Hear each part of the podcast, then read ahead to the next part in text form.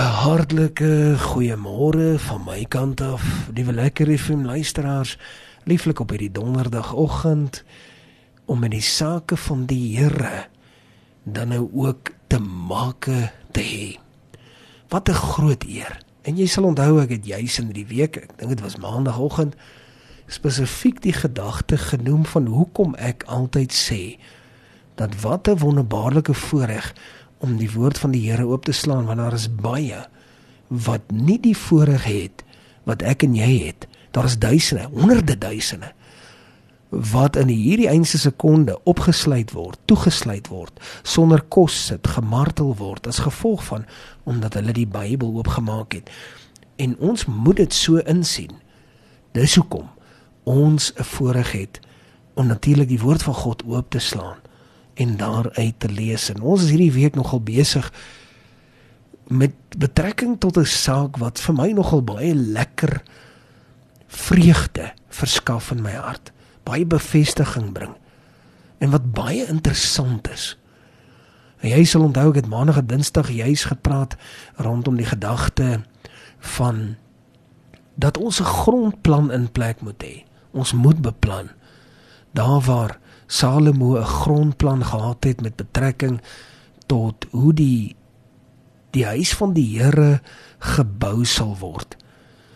En en die presiese breedtes, die presiese afstande, die lengtes, die alles maar alles in absolute ragfyn beplanning en en dis totaal en al presies uitgevoer. 'n Grondplan rondom dit wat jy in hierdie nuwe jaar vir die Here wil doen is werklik van kardinale belang. Maar dan het ons toe nou oor beweeg en hoe wonderbaarlik sluit 2 Kronieke 5 vanaf vers 12 tot en met vers 14 ook dan nou aan.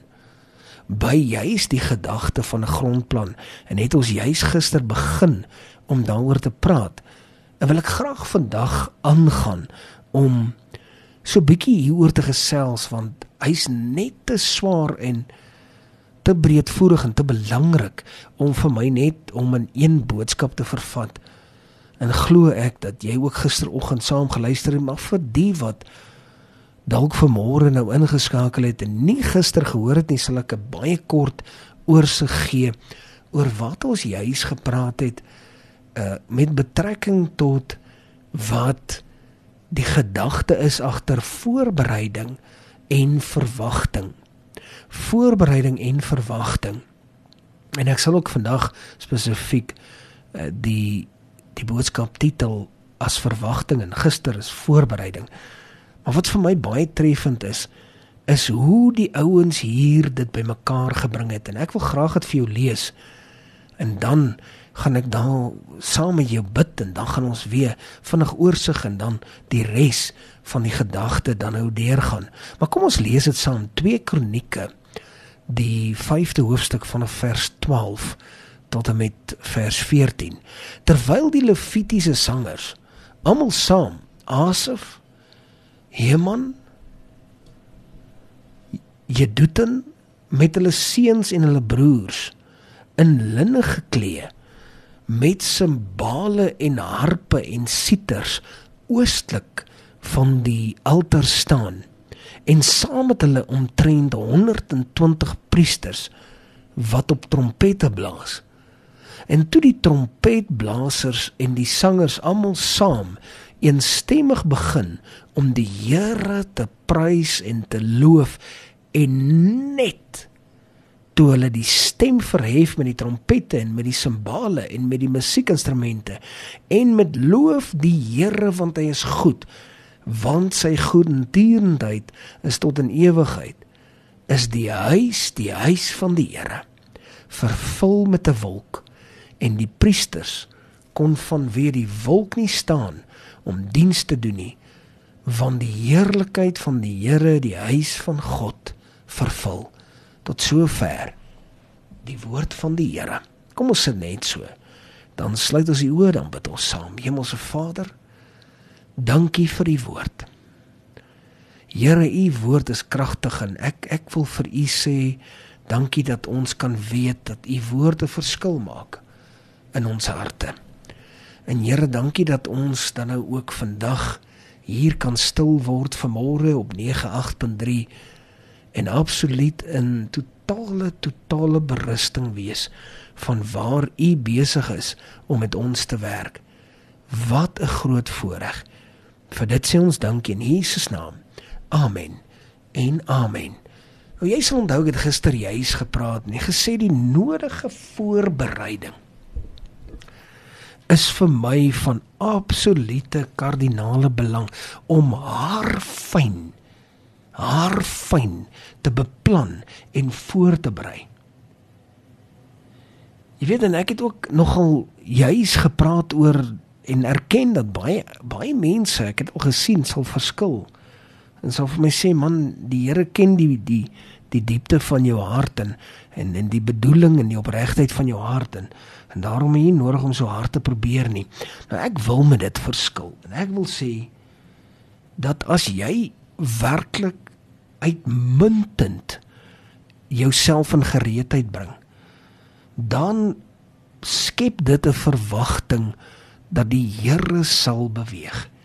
En dan doen jy 'n beroep op die Here, net soos hierdie ouens dit hier gedoen het. Want onthou nou, hulle het al hulle goed reg gekry. Ek bedoel, die manne het in gereedheid gekom. Oor prestasie. Ek wil amper sê daai klassieke overachievement is is vir my baie belangrik wanneer dit kom by die werk van die Here om 'n absolute gereedheid te wees. Jy sal onthou ek het gesê, jy weet, die ouens moes hulle vervoer, 'n manier hoe hulle daar gekom het. Hulle moes al 'n week van tevore beplan het hoe hulle daar sou wees. Hoeveel rye sou instap? Watse rye eers sou instap? Wie voor die ander een gaan staan? Wie waar sou staan? Uh, die klere drag, wie sou wat aantrek? Ek meen uh, wie sou begin het om te sing? Wie sou begin het om te speel? wat staan opgeskrywe? Wie besluit wat om waar te sê? Wie sou waar gestaan het? Hoeveel sou hulle gesê het? Hoe min sou hulle gesê het? Wanneer sou hulle gepraat het? Wie sou gesing het? Wanneer sou ge iemand gesing het? Wie sou harder as die ander een uiteindelik sou gesing het? Die beplanning, die deeglike beplanning skep absolute verwagting. Watter presiese instrumente gaan waar speel. Wat sou waar neerdal? Wat sou waar inval en wie sou uitval? Wie sou stop? En hoe hard sou die een speel en hoe sag sou die ander een speel? Hierdie is is alles sake met betrekking tot wat presies daar sou gebeur het Nou ek meen as as ons nou hier lees terwyl die levitiese sangers en vergun my en le, lees dit met die verstaanbaarheid waaroor ek praat. Lees dit dan saam met my terwyl die levitiese sangers almal saam die seuns en hulle broers in linne geklee met simbale en harpe en siters oostlik van die altaar sou staan en saam met hulle omtrent 120 priesters wat die op die trompette blaas. En toe die trompetblasers en die sangers almal saam eenstemmig begin om die Here te prys en te loof net toe hulle die stem verhef met die trompette en met die simbale en met die musiekinstrumente en met loof die Here want hy is goed want sy goedertierendheid is tot in ewigheid. Is die huis die huis van die Here vervul met die wolk en die priesters kon vanweë die wolk nie staan en diens doen nie want die heerlikheid van die Here het die huis van God vervul. Hoe wonderbaarlik. Nou jou saak is dalk heeltemal anders te vandag. Jou saak is dalk totaal en anders dit. Niks uit te waai met met so geleentheid nie, maar dit het die saak van die Here ten doel. Dit het die koninkryk van God tot voordeel ten doel. Daar is 'n bediening wat binne in jou is wat jy hierdie jaar aan die gang wil sit of 'n saak wat jy wil dryf. Ek wil vandag vir jou sê as jy die nodige haarfyn beplanning en en absolute voorbereiding na die saak toe bring dan skep dit verwagting by almal wat teenwoordig is dat iets groots vir die Here gedoen gaan word en die Here sal dit eer. Gaan dit wat jy doen met 'n verwagting gepaard. Want as dit met 'n verwagting gepaard gaan, dan sal die verwagting die verskil maak. En ek dink dit is nogal iets iets baie kosbaars. As 'n mens nou mooi daaroor moet dink. Ek sal sekerlik nooit vergeet in my lewe nie jare gelede. Jare en jare gelede het ons so groot verwagting gehad en ons het uh, een uh, groot persoon genooi om, om daar by die gemeente te kom praat met ons. En ek, ek sal nooit vergeet nie dat dat die persoon het uh, het het absoluut eintlik maar nie die verwagting gemeet nie want die voorbereiding was nie so deeglik nie. En toe het die verwagting nie opgemeet tot dit wat geskep was nie. Die voorbereiding moet die verwagting vergesel. En hierdie is vir my baie belangrik, liewe lekker FM luisteraars, want wanneer jy nou beplan, dan moet jy nou tot die tot die tot die diepste en fynste detail gaan beplan en betrek mense. Want onthou, ons het mos nou gepraat oor wat is jou intensie by die grondplan?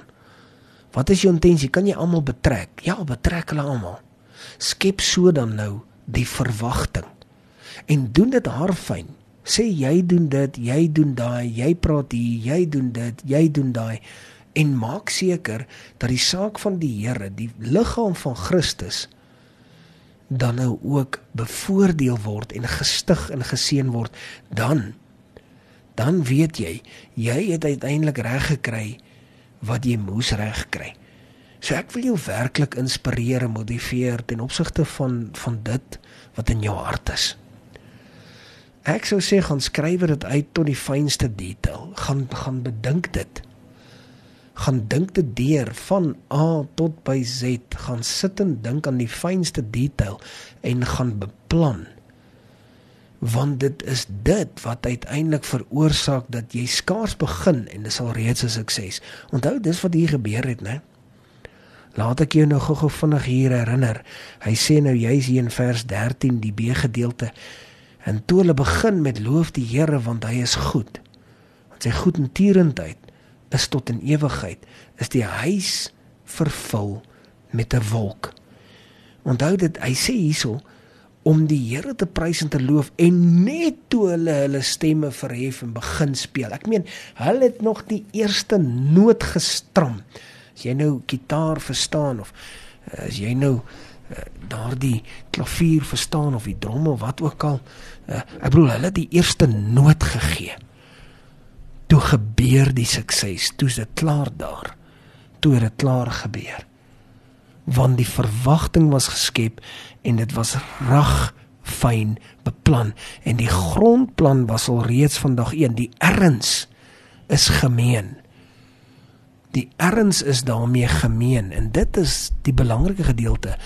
Meen ons erns met dit wat ons gaan doen en wanneer ons dan erns neem sal die Here ook in ruil 'n baie baie groot verskil maak sterkte met dit wat jy beplan vir hierdie nuwe jaar mag die Here vir jou seën en mag jy tot die fynste detail vir sy werk absoluut onderskeidingsbaar tot sover die woord van die Here. Kom ons sit net so. Dan sluit ons die oor en bid ons saam. Hemelse Vader. Hoe wonderbaarlik in U teenwoordigheid. Dankie vir die woord. Here, ons het hierdie week nogal soveel soveel edelgesteente, soveel diamante ontdek.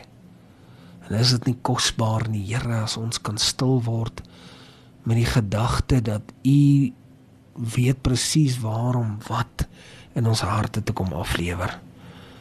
Dankie vir die liefde, dankie vir die genade en seën vir lekker FM in Jesus naam. Amen. En amen.